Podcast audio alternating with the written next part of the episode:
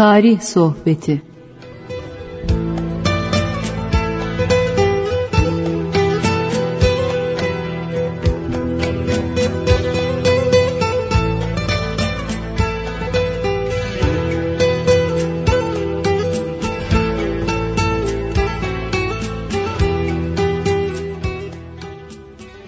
Merhaba kıymetli dinleyenlerim. TGRT FM radyomuzun bir tarih sohbetine daha inşallah başlıyoruz. Bugünkü programımız esnasında teknik masada Muhittin Yaygın Göl kardeşimiz bizlere yardımcı oluyor. Gökhan Güler Bey de sizlerden gelecek telefonları yönetmen masasında bekliyor sual telefonlarına. Sualinizi telefonla sorabileceğiniz gibi mail yoluyla da sorabilirsiniz. Bize ulaşacağınız telefon numarasını öncelikle vereyim. 0212 alan kodundan 454 56 46. Radyomuzun mail adresi ise tgrt-fm et tgrt-fm.com.tr yani etromuzun iki tarafında da normal tireli TGRT tire FM yazıyor. Buna mail gönderebilirsiniz. Ayrıca şahsi mail adresimi de veriyorum. ismail.yagci41 et gmail.com Buraya da hafta içerisinde sair zamanlarda tarihle ilgili olmak üzere ve istirhamımız soracağınız sualin cevabının kısa olmasını bekleyerek sual sorunuz ki bendeniz ise sayfalarca yazmak mecburiyetinde kalmayayım. Malum sual sormak ilmin yarısıdır. Kitaplar öyle yazıyor. Yani bir kimsenin sorduğu sualden şimdi ona soru diyorlar ya benim. Seele, sual, sual etmek. Sualden onun o konudaki ilmi derecesi anlaşılırmış. E ben şimdi bilgisayarı hiç bilmiyorsam, bilgisayarla ilgili bir soru sorsam çok bağlantısız bir soru olur. Gözüme bakar adam. İyi ama yani sen neyi soruyorsun arkadaş der gibi. O bakımdan suallerinizi sorduğunuzda benden bekleyeceğiniz cevapları da az olacak şekilde suallerinizi tertip ediniz. Her sohbetimizin başında olduğu gibi 1082 yıllarında miladi Köhistan Sultanı İskender bin Kabus'un oğlu Gilan Şah'a nasihatname ve vasiyetname şeklinde iki niyetle birden yazdığı bir kitap var. O kitaptan birkaç alıntı sizlerle paylaşacağım. Zamanımızdan 900 seneden fazla bir e, sene önce yazılmış ama zamanımızın insanların problemleriyle birebir çakışıyor. İnsan aynı insan, nefis aynı nefis ve bu nefsin terbiye edileceği yollarda allah Teala'nın Kur'an-ı Kerim'inde Efendimizin aleyhissalatü vesselam hadis-i şeriflerinde buyurduklarıyla halledilecek meseleleri çok iyi bilen bir kimseymiş ki bu efendim İskender bin Kabus Hazretleri e, bunu insanlara nasihat şeklinde ama allah Teala'nın yolunu anlatarak tam böyle eksiksiz sapıtmadan anlatarak e, çıkmış e, insanların karşısına ve oğluna da bunu böylece vermiş. Evet. Diyor ki bazı iyi işler vardır. O iyi işleri yapmayı adet edinen hem halk katında hem de hak katında itibar görür. Bir işler vardır, bir cins işler. Bunlar iyi işlerdir. Mesela hayrat yapmak. Bir yere bir çeşme çıkartmak. Diyeceksin ki abi şişe suları ne güne duruyor.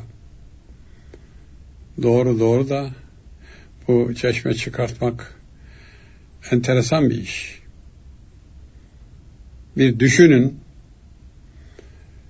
Şam'la Bağdat arasındaki çöllere yolunuz düşmüş o Palmira Malmira antik kent diyorlar ya oralara yollarınız düşmüş Bağdat'a doğru böyle giderken su yok, çeşme yok, gölge yok ve karşınıza bir çeşme çıkıyor. Neler vermezsiniz efendim? Veya neler vermeyiz? Onun için biz şimdi şu rahatlıklara bakıp da bu hayatın hep böyle devam edeceğine zannetmeyelim. Her an değişebilir. Şimdi bir naylon maddesi bulmuşlar. Naylon maddesini köle gibi kullanıyoruz. Sorgusuz sualsiz her yere kullanıyoruz. Üstümüze, başımıza, elbisemize, ambalajımıza, oraya, buraya, evimize, çatımıza falan filan. Hepsi naylon aşağı, naylon yukarı. Ama bir gün gelecek, bu değişik bir şekilde gelecek, girecek. E o zaman mesela bir yere su çıkartmak. Şimdi var ya bazı hayır dernekleri işte kuyu vuruyoruz, ediyoruz diyor. Tabii bunlara da dikkat etmek lazım kıymetli dinleyenlerim. Evet, e, Diyanet İşleri Başkanımız da söylüyor ya zaten. Yani hayır diye ortaya çıkan teşekkürlere bakıyorum diyor. Birdenbire kuzu gibiyken fil kadar büyüyor diyor. Hayır derneği büyür mü efendim? Büyümez büyümez. Kanuni Sultan Süleyman Han'ın Süleymaniye Külliyesi'nin vakfiyesine bakınız. O vakfiyede bu külliyeye tahsis ettiği gelir yerleri, işte dükkanlar, köyler, kiralar, o bu bir sürü yerler vakfetmiş. Bunlarla şu şu şu şu işler yapılacak diyor. Tamam. Gelir var, gider var. E gelir çok geldi. Başka vakıflara yardım edecek şekilde gene onu tutmayacak. Vakıfçılık demek, dernekçilik demek, para istif yeri değil. Vakfın kasası, vakfın kasası böyle ağzına beraber dolu olmaz. Ha borçları borçları büyüktür. Vakıfsa borca girer. Giriyor. Vakıflar böyle borçlu yaşıyorlar zaten. Yoksa biz hayrat yapıyoruz, hizmet yapıyoruz, himmet yapıyoruz deyip de büyük paralar bir yerlerde birikiyorsa orada başka bir şey vardır.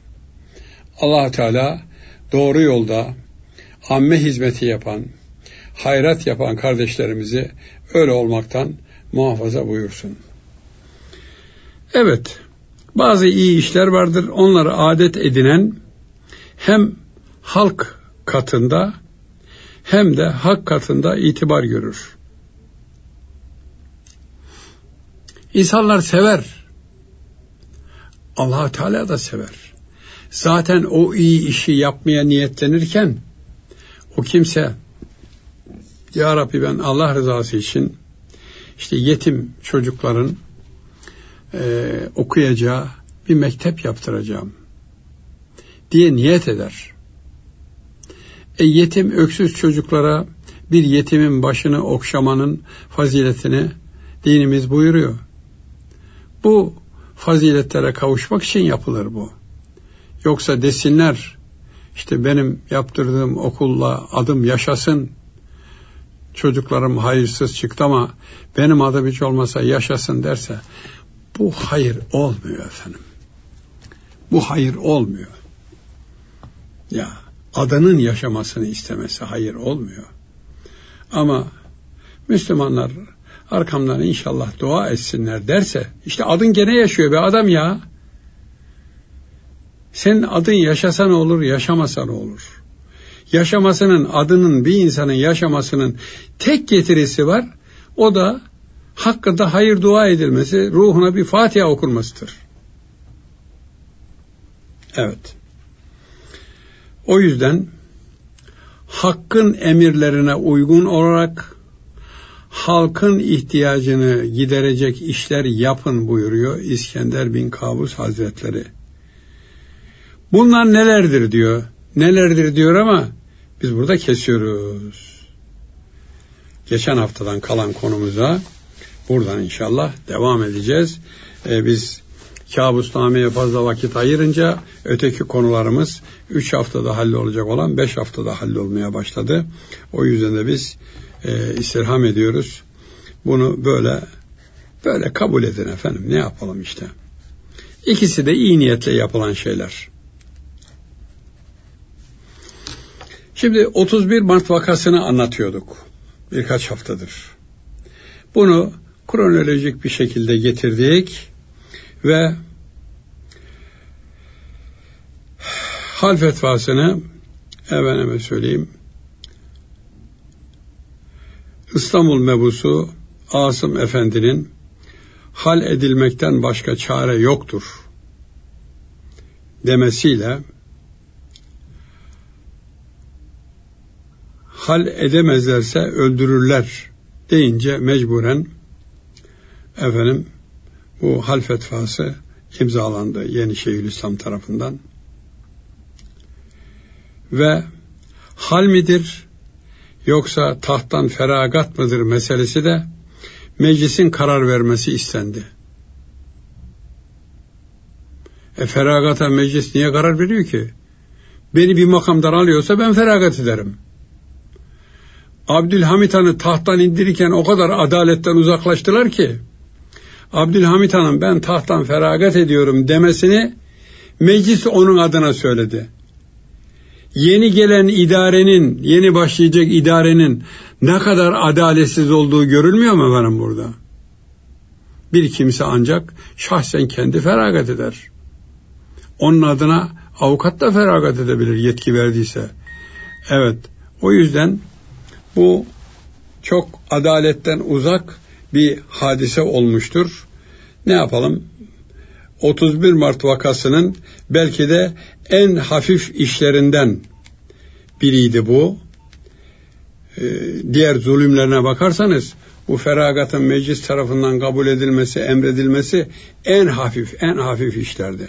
Ama biz doğruyu da burada söylemek mecburiyetindeyiz. Meclis dedi ki hal olsun bu. Feragata yanaşmadı. İki heyet kurdular efendim. Birisini Dolmabahçe'ye, yeni padişah Sultan Mehmet Reşat Han'a, birisini Yıldız'a gönderdiler. Dolmabahçe'ye giden yani Mehmet Reşat Han'a giden heyette Bolulu Habib, Toygarlı Halit ve Kadıköylü Fehmi isminde hareket ordusu ve İttihat Terakki mensubu küçük rütbeli üç subay vardı. Ama iddiaçı olunca sultanın karşısına çıkartır bunlar. Hep böyle küçükten tutturdular. Ta ki Enver Paşa gelsin, başa geçsin, devletin idaresini alıncaya kadar ittihatçılar sorumluluk almayı istemediler. İstemez göründüler. Evet. Onlar gittiler. Sultan Reşat Han'a padişahlığını tebliğ etti efendimiz. Padişah oldunuz. Yapma ya kim söylüyor? Büyük Millet Meclisi söylüyor. Meclis Mebusan söylüyor efendim. Bunun adı da padişahlık iyi mi efendim şimdi? Yani meclis ben seni padişah ettim diyor. Bu padişah ne kadar padişahtır? Şimdi İngiltere kraliçesi ölse yerine Charles işte veliaht olarak geçse İngiliz parlamentosu mu Charles'a tebliğ edecek siz İngiliz kral oldunuz diye? Yok. Zaten kral, kraliçe, padişah kendi olur. Birisi onu etmez. Ederse öyle olmaz. Kral olmaz, kraliçe olmaz. Tayin edilen memur olur. Hükümdarlıkta tayin edilme yoktur.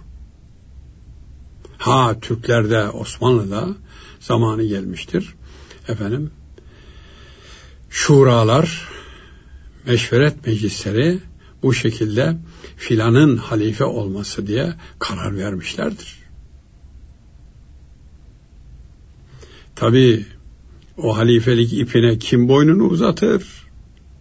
Evet tepesinde bir meclis var ama esas olarak allah Teala'nın rızasına kavuşturacak yolda Kur'an-ı Kerim'in emirlerinin bir hakkın uygulanması lazım.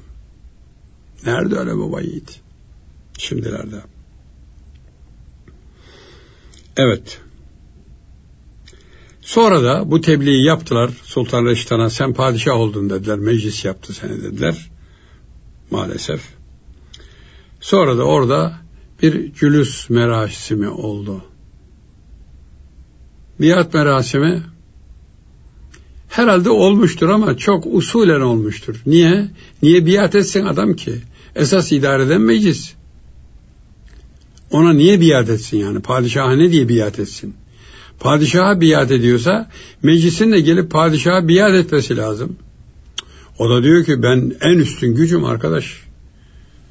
Ben biat miyat tanımam. Nasıl böyle idare sistemini alt üst etmişler görüyor musunuz? Bir yetki alabilmek için zulüm üstüne zulüm işlemiş iddiaçılar efendim. Sonra da Sultan Abdülhamit Han'a diyorlar zulmetti bu insanlara diyorlar. Sizin bu yaptığınız ne? Siz padişaha zulmediyorsunuz ya.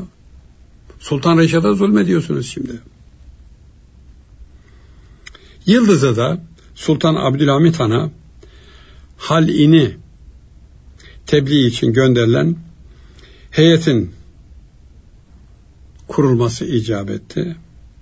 Kuruldu ve Türk tarihinin belki de en yüz kızartıcı işlerinden birisi yaşanmış oldu. Neydi o? Kurdukları heyet ne olacak? Bütün Osmanlı tebaasını temsil etmesi lazım değil miydi bu heyetin? Evet. Yani Müslümanı, Müslüman olmayanı, Türk'ü, Türk olmayanı da temsil edecek bir heyet kurulmalıydı. Çünkü siz nihayet bir padişahı, bir İslam halifesini tahttan indiriyorsunuz. Bu heyette bir tek Türk yoktu. İmparatorluğun ana unsuru Türklük olduğu halde bir tek Türk koymadılar heyete. Heyette İtalyan vatandaşı, İtalyan asıllı diyelim yahut da, Osmanlı Meclisi'nde milletvekili son seçimlerde, Selanikli, Yahudi tüccar Emanuel Karaso ve İttihatçıların Abdülhamit Han'a isyanı ta 31 Mart vakasına kadar olan bütün masraflar hususunda onları besleyen, destekleyen hatta Filistin'in de sözünü ittihatçılardan alan yani bak ben size bu paraları veriyorum ama arkadaşlar bu Filistin'i de siz başa geçtiğinizde Siyonistlere vereceksiniz tamam mı? Tamam demişler Emanuel Efendi yani ayıp ettin. Sen elinin kiri olur bu iş. Onu da anlatacağım ömrüm varsa. Onda ittihatçılar nasıl böyle Siyonistlerin tuzağına düştüler. Veya kendileri de öyle düşünüyorlardı. Tuzağa düşmediler. Bilerek yaptılar. Bunun hesabını dönüp de dünyadan soracağımıza ittihatçılardan sormamız lazım şimdi. Birisi Emanuel Karaso. Hatta bu Emanuel Karaso bir ara İstanbul'da Selanik'teki İttihatçıların genel merkezinden gelerek yanında da oranın genel merkezin meşhur adamlarından birisiyle İstanbul'da masonluk çalışmaları yaptırıyorlardı. Abdülhamit Han zamanında yapıyorlardı. Masonlukla beraber ittihatçılığa da adam kazanmaya çalışıyorlardı. Üst kademelerden. Tabi Abdülhamit Han e, hafiyeli vasıtasıyla her tarafı, her tıkırtıyı dinliyordu. Böyle bir ihbar aldı. Hemen adalete işi havale etti. Yakaladılar. Ve bir askeri mahkemeye çıkarıldılar bunlar. Emanuel Karaso ve yanındaki adam. Dedi ki siz burada böyle çeşitli e, İttihat Terakkici çalışmalar yapıyormuşsunuz. Hayır efendim dedi. Biz İttihat Terakki ile ne ilgili çalışalım? Biz biliyoruz ki başımızda bizim padişahımız var. Biz ona inanırız, onu severiz. Biz efendim dediler, masonluk için çalışıyoruz. Mahkeme başkanı yapma ya dedi. Masonluk ne dedi? Efendim masonluk dedi. Masonluk çok iyi bir şey. İnsanlara hep iyilikleri aşılayan bir şey. Ya İslamiyet dururken burada herif geliyor Yahudi. Masonluğu Osmanlı mahkemesinin başkanına masonluğu öyle bir anlatıyor ki efendim. Bu garibim de dünyadan haberi yok herhalde. Ha öyle mi diyor. Diyor ki padişahım bunların kötü bir niyeti yokmuş. İnsanlara masonluk falan anlatıyorlarmış falan. Emanuel Karaso İstanbul'da kuyruğu böyle kurtardı. Divanı Harp'ten. İşte o adam sen misin beni divanı harbe çıkaran, koluma kelepçe vurduran dercesine Abdülhamit Han'a hal fetvasını tebliğe giden heyete dahil edildi.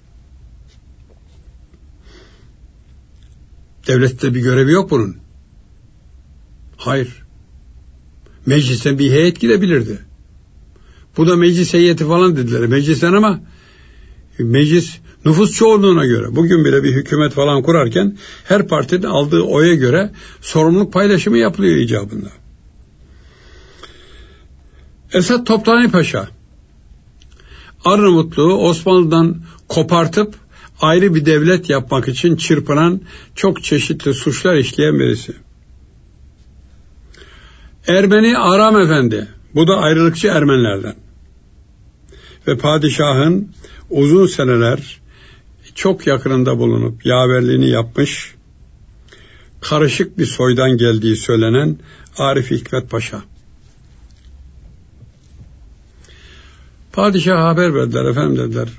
Bu hal fetvasını tebliğ için bir heyet geldi. Kimler var heyette dedi Abdülhamit Han.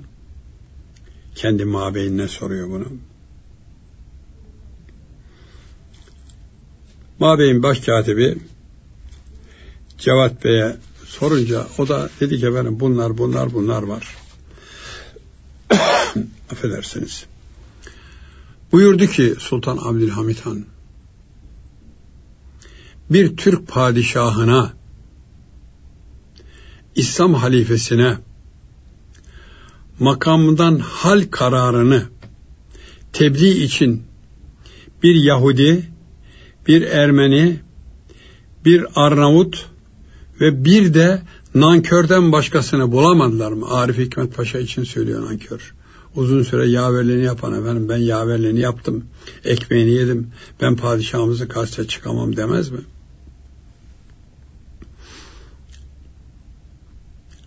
Kararın tebliğinden sonra artık ben madem öyle Çırağan Sarayı'nda oturmak isterim.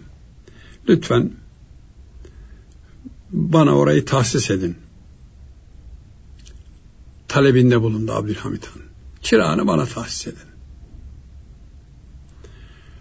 Meclis kabul etmedi. Hayır olmaz. 48 saat içinde maiyetiyle beraber Selanik'e gönderilip orada tutulmasına karar verildi. Ve çok çabuk şekilde Abdülhamit Han aile efradıyla helallaşamadan doğru dürüst yanlarına böyle yiyecek efendim şu bu gibi şeyler alamadan zaten devlet hazinesinden beş kuruş para almadan Abdülhamit Han Sirkeci'den trene bindirmediler. Abdülhamit Han'ı halk seviyor elimizden alır korkusuyla Hadımköy Çatalca tarafında Abdülhamit Han'ı trene bindirdiler ve oraya gönderdiler. Abdülhamit Han'ın Yıldız'dan uzaklaştırılmasından sonra saraydaki mevcut elmas, inci gibi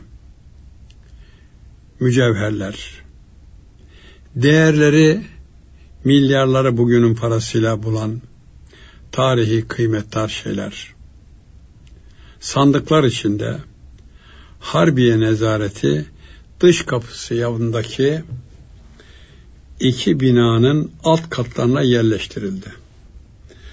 Yani bugünkü Bayezid'de bulunan İstanbul Üniversitesi Merkez Kampüsü'nün e, girişinde ana girişinde Beyaz Meydan'a bakan ana girişte üzerinde Osmanlıca daire-i umuru askeriye yazan zafer takı gibi olan kapının iki yanında iki bina var. Bu binanın alt katlarına ikisinin de ayrı ayrı alt katlarına bunlar sandıklar içerisinde kondu, kilitlendi ve mühürlendi.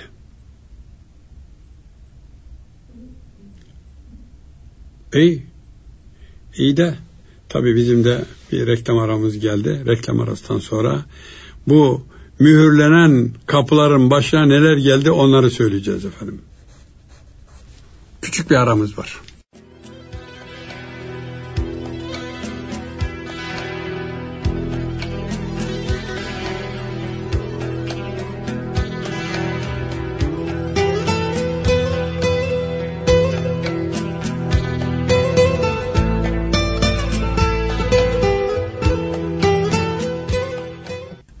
Kıymetli dinleyenlerim, TGRT FM'in tarih sohbetinin bu haftaki ikinci bölümüne, yani son bölümüne başlıyoruz. İstanbul Bayezid'deki o zamanlar Harbiye Nezareti yani Milli Savunma Bakanlığı olan kampüsün hemen giriş kapısındaki bugünkü üniversitenin İstanbul Üniversitesi'nin merkez kampüsünün girişindeki böyle tarihi çizgilerle yapılı olan iki tane yanlarındaki odanın alt katlarına Yıldız Sarayı'ndan çıkan milyarlar değerindeki kıymetler, mücevher ve diğer eşyalar sandıklar içerisine yerleştirilerek getirildi. Oraya kondu, kapıları kilitlendi, mühürlendi. Hemen sonra mühürlü kapıları ittihatçılar mühürleri de kapıları da kırarak açtılar ve yağma edildi. Bu yağmanın listesi var. Bu listeyi çok düşündüm yayınlasam yayınlamasam diye. Ben de var bu liste. Kim neler almış? Herkes hanımına takıp takışacak şeyler almış. Hani ya padişaha kızıyordunuz? Müsrif işte memleketin parasını harcıyor, hanımlarına alıyor, şunu yapıyor. Tabi Abdülhamit Han'a diyemediler de Abdülaziz Han'a falan diyorlardı. E siz ne ediyorsunuz ya? Hadi o padişahlık olarak kurtardı. Siz şimdi oradan kurtardığınız devlet malını eşinize, kızınıza peşkeş çekiyorsunuz. Yüzsüz adamlar. Evet. Ve bu tecavüz, bu kapı kırma ve o iki odanın alt katını boşaltmadan dolayı hiç kimseye idare hesap sormadı. Hangi idare soracaktı? İtaatçı. Yargılayacaklardı. Oradaki dudağı adınca asacaklardı icabında. O adamları. Boğazlayan kaymakamı Kemal Bey'i Ermeni iftirasıyla asmadınız mı? Abdülaziz Han'ın katillerini öldüren Çerkes Hasan Bey'i oradaki dudu ağacına asmadılar mı? Bu az suç muydu? Yok. İktidardaki paşaların hırsızlığı hırsızlık sayılır mı efendim? Devletin malına yer değiştirmişler. Yer değiştirmiş. Orada değil de orada. Hatta korumaya da almış denebilir. Hırsızlar da öyle diyorlar zaten. Yer değiştirdik efendim diyorlar. Çalmadık, yer değiştirdik. Ve üstelik suçluları da tespit etmeye kimse kalkmadı. Bir heyet kurulup da yalancıktan hiç olmazsa ya üç beş tane dövülecek adam bulun, suçlu bulun. O da yok. Hiç. Hiç olmamış saydılar. Sen yapmadın ben de görmedim arkadaş. Tamam mı? Tamam. Tam bir çete efendim. Tam bir eşkıya. Bunları yapan eşkıya Birinci Dünya Harbi belasına memleketi düçar etti. Hem memleketin gençliğine, beş milyonluk gençliğine kıydılar. Hem topraklarımızı kaybettik, hem de koca devlet-i Osmaniye'yi paramparça ettiler. Un ufak ettiler. Çok verecekleri hesap var.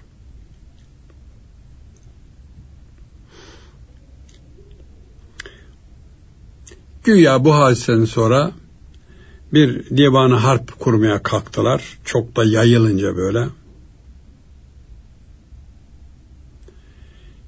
Derviş Vahdeti de aralarında olan 56 kişiyi idama mahkum ettiler. Ne alaka Derviş Vahdeti bunlardan? Buradan ne çaldı ki? Çalan sizsiniz. E bir suçlu var ya namusu kurtarmak meselesi. Ve bu 56 kişi güya bu yağmadan dolayı 3 Mayıs 25 Haziran arasında taksit taksit asıldılar, infaz edildiler cezaları. Prens Sabahattin önceden tevkif edilip sonra serbest bırakıldı. Bunların yıldız yağmasıyla alakaları yok ki. Ama halkın dikkatini başka tarafa çekmek için bunu yaptılar. Sonra da Prens Sabahattin Avrupa'ya kaçtı serbest bırakılınca. Şimdi de kaçmak moda ya efendim. Bunlar peki bu kaçanlar Avrupa'ya herhalde bir ceplerinde pasaportla gidiyorlardır. TC pasaportuyla gidiyorlardır bu Avrupa gümrüğünden geçerken, gümrük kapısından geçerken hiç mi utanmıyorlar efendim? Türk pasaportunu uzatmaya. Hem Türk pasaportunu cebine koyuyorsun, hem de Türkiye'nin adaletinden kaçıyorsun. Bir yüzsüz adam. Ondan sonra da mültecilere söz söylüyorlar. O adamlar canını, malını, her şeyini ortaya koymuş. Çoluğuyla, çocuğuyla ölümle 40 defa burun buruna gelmiş.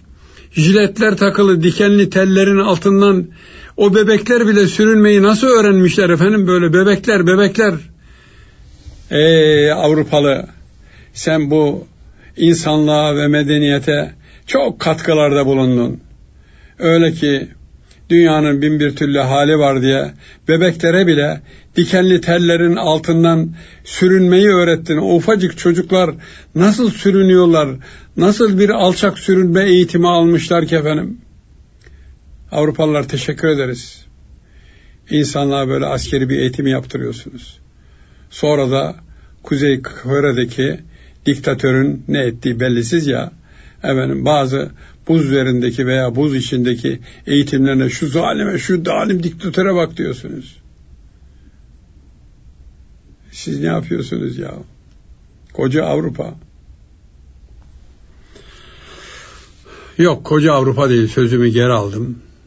Koca Avrupa değil. Avrupa bitirdi kendini. Bu mülteci işiyle kendini bitirdi. Çok korkarak söylüyorum ki çok yakında Avrupa yandım yandım diye belki Türkiye'den de yardım isteyecek. Aman ne olur. Hangi şartlarda gelirsen gel de şu Avrupa Birliği'ne gir. Bizi kurtar. Bize yol göster diye akıl danışmaya gelecekler. Bu iş böyle gitmeyecek. Eh yaşayan görür. Diğerleri de Sürgün ve hapise cezalandırıldılar infazlardan sonra geri kalanları yani.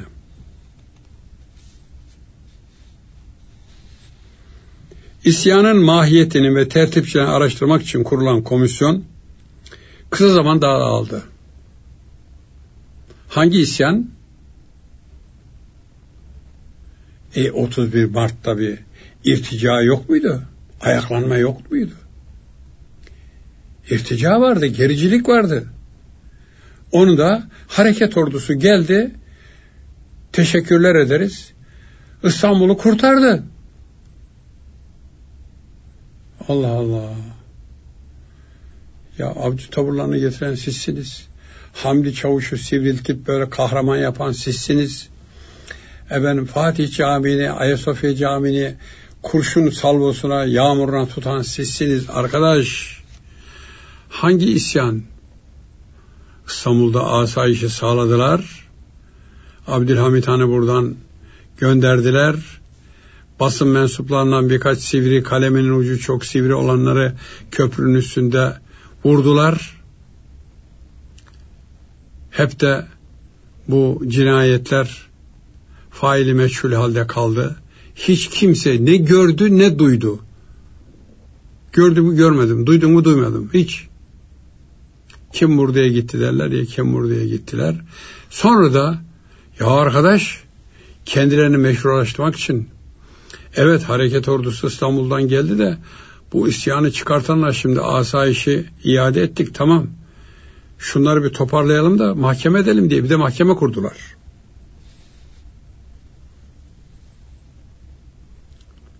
Mahkeme kurmak için de bir komisyon kurdular. Kim kime ne demiş? Hak dedi ki ya aferin bravo adamlara ya. Demek ki hakikaten bir isyan tertipçisi varmış. Şunları bir bulsunlar da hiç olmasa Sultanahmet Meydanı'nda sallandırsınlar. Evet. Çok kısa bir zamanda bir ay bile geçmeden bu komisyon ne olduğu bellisiz şekilde dağıldı. Yasak savmak için bir komisyon kurdular. Araştırma komisyonu o komisyonun da dağılışı gayipten bir sesle dağıldı gibi gitti. Hareket ordusu İstanbul önlerindeyken Abdülhamit Han dedi ki madem beni istemiyorlar saltanatı biraderime yani Reşat Han'a ferah ederim. Devleti o idare etsin. Fakat bir meclis mi yoksa bir divanı ali mi ne kurulursa kurulup benim bu hadiselerle 31 Mart irticai faaliyetleri dedikleri hadiselerle alakamın olup olmadığı tespit edilmelidir diye dobra dobra söyledi. Kıymeti dinleyenlerim çok merdane bir harekette bulundu Abdülhamit Han madem dedi efendim bu irticai faaliyetler İstanbul'daki karışıklıklarla beni suçluyorlar. Ben hemen saltanatı, padişahlığı biraderime ferah edeyim. Neticesi de o olmadı mı? Meclis dediler, bilmem ne dediler, kılıf dediler, o dediler, bu dediler. Abdülhamit Han baştan söyledi. Ferah edeyim. Beni de alın. Ne diyorsanız adına orada beni yargılayın. Diyamanı alimi diyorsunuz. Bir meclis önünde mi sorgulamak istiyorsunuz? Bir şey kurun. Hadiseyle alakamın olup olmadığını tespit edin. Suçluysam cezamı çekeceğim. Ben aklanmak istiyorum. Dedi. Ancak Abdülhamit Han'ın çok yakında bulunan Said Paşa Tabii böyle üst kademelerde olanların yakınındaki insanlar maalesef iki tarafı keskin bıçak gibi çalışabilir. Böyle iki tarafa çalışan casuslar vardır hudut bölgelerinde. Birçok memleketlerde vardır bunlar efendim. Hem giderler karşıdan haber getirirler bu tarafa hem de o gittiklerinde bu taraftan bilgi götüren casus gibi oraya da istihbarat götürürler. Çok karaktersiz insanlardır bunlar. Said Paşa da aman ha dedi etrafına. Ona bir şey olmadı Said Paşa'ya. Niye? Onların davulunu çalıyordu çünkü. Ya suçsuz çıkarsa o mecliste, o divanı Ali önde, ya suçsuz çıkarsa bizim halimiz nice olur, biz gireriz içeriye dedi. Ve Abdülhamit Han hakkında resmi tahkikat açılmasına Said Paşa mani oldu. Abdülhamit Han'ın en yakındaki adam. Kuyruğu sıkıştığı zaman tepe başındaki İngiliz elçiliğine sığınan adamdır bu. Osmanlılar. Evet. Hiçbir ciddi tarih kitabında hadisenin padişah tarafından çıkarıldığına dair 31 Mart vakasının çıkmasına padişahın e, bir dahli olduğuna dair bir emare, şahit bugüne kadar bulunamadı. 1909 2015 buyurun.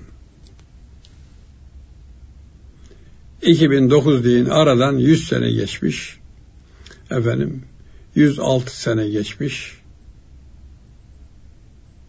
ama 116 sene geçmiş 106 değil 116 sene geçmiş ama hiçbir şey şu ana kadar çıkamamış. Yok. Abdülhamid Han'ın muarızlarından olan Ahmet Refik Bey, Refik Altınay ki Abdülhamid Han'ın e, cenazesinin gaslinde gazete patronunun kendine yüksek bir para ödemesiyle bir makale kaleme almıştır. Abdülhamit Han'ın düşmanlarından olduğu halde o makalesi hakikaten gözyaşlarıyla e, dinlenecek bir makaledir. İnşallah bir fırsatını bulursak o makaleyi sizlerle ileriki programlarımızda paylaşmak istiyorum. Evet.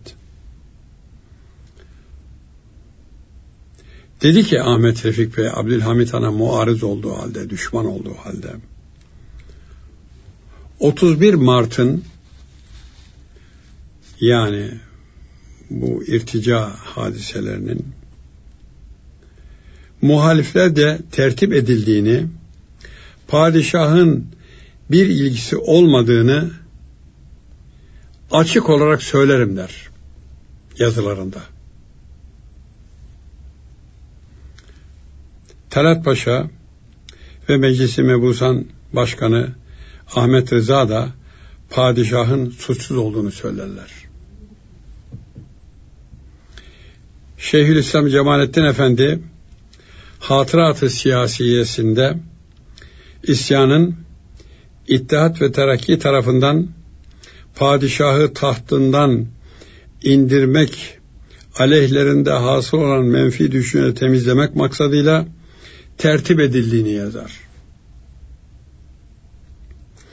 Bazı tarihçilerde isyanı padişah tertip etseydi askerleri başsız bırakmazdı. Padişah isyanı tertip etmedi derler. 31 Mart'tan sonra o hadiseden sonra İttihat ve Terakki diktatörlüğe giden koca bir yol açılmış oldu. Önde engel yok. Hani Abdülhamit Han diktatördü? Onun için indirdiydiniz.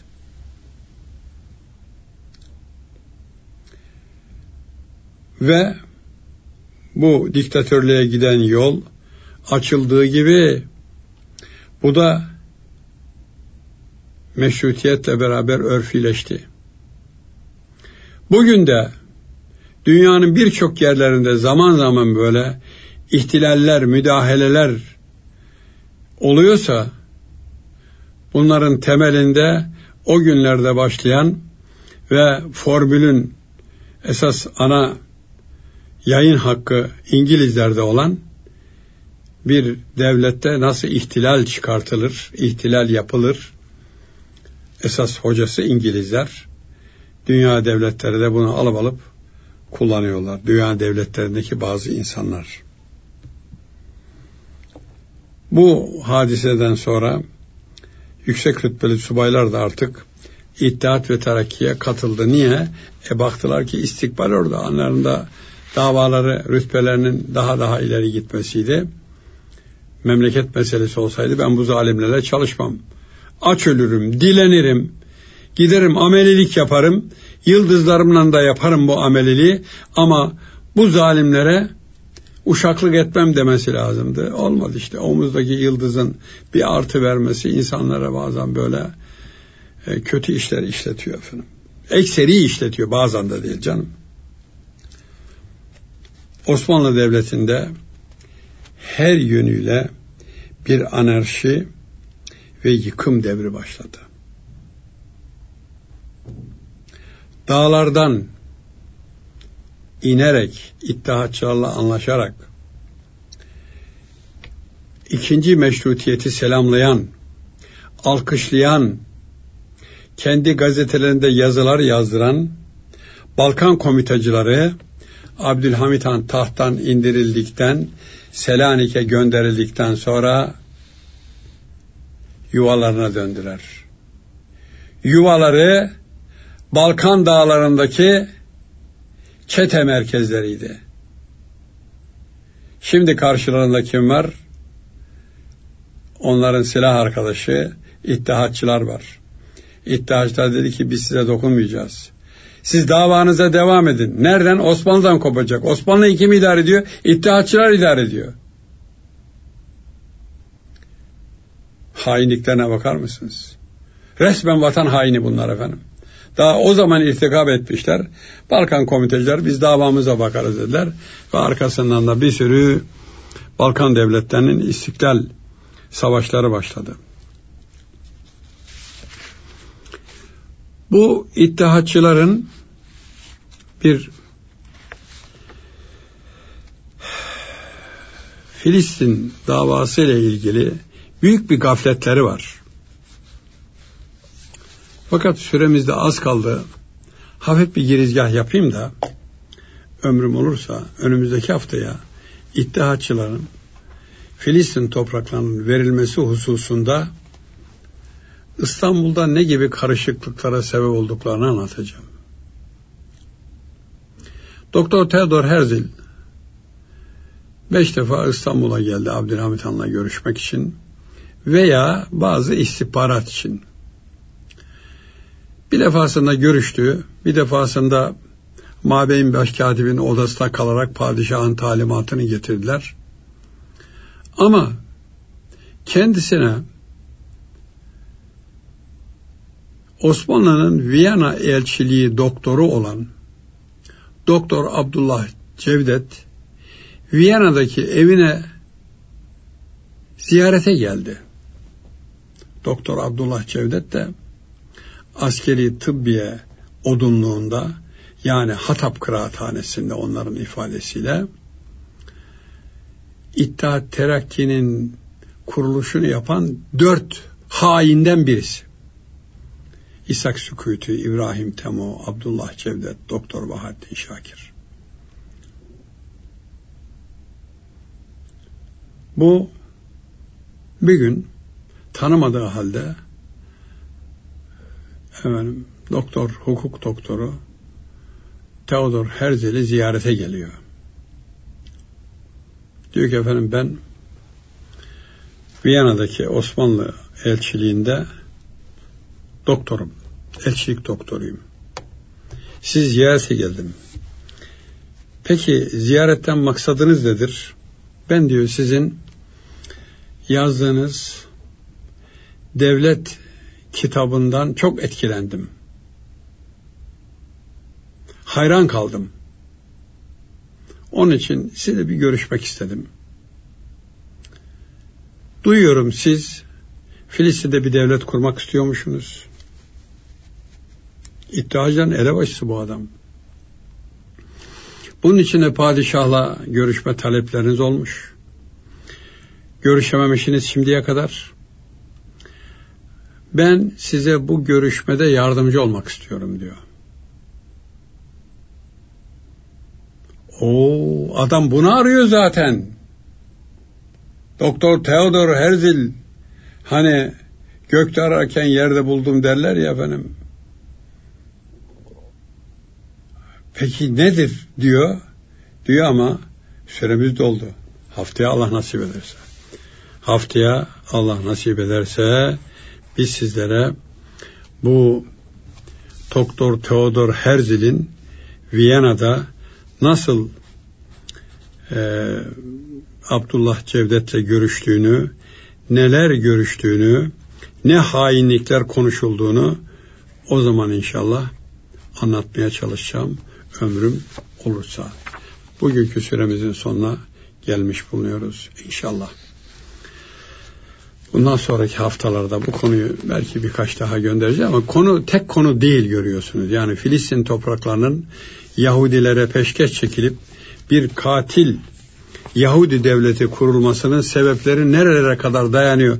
Şimdi bunu anlarsak, öğrenirsek fena mı olur? Hayır. Milli bir vazifedir. İnşallah nasip olur da bunları beraber inceleriz.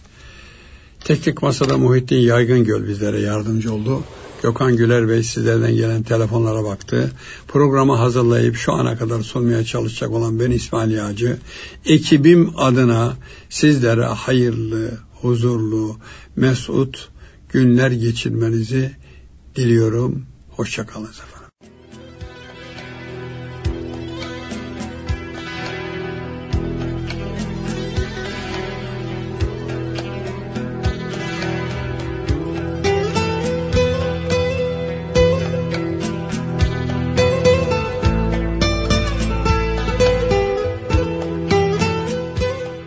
Tarih Sohbeti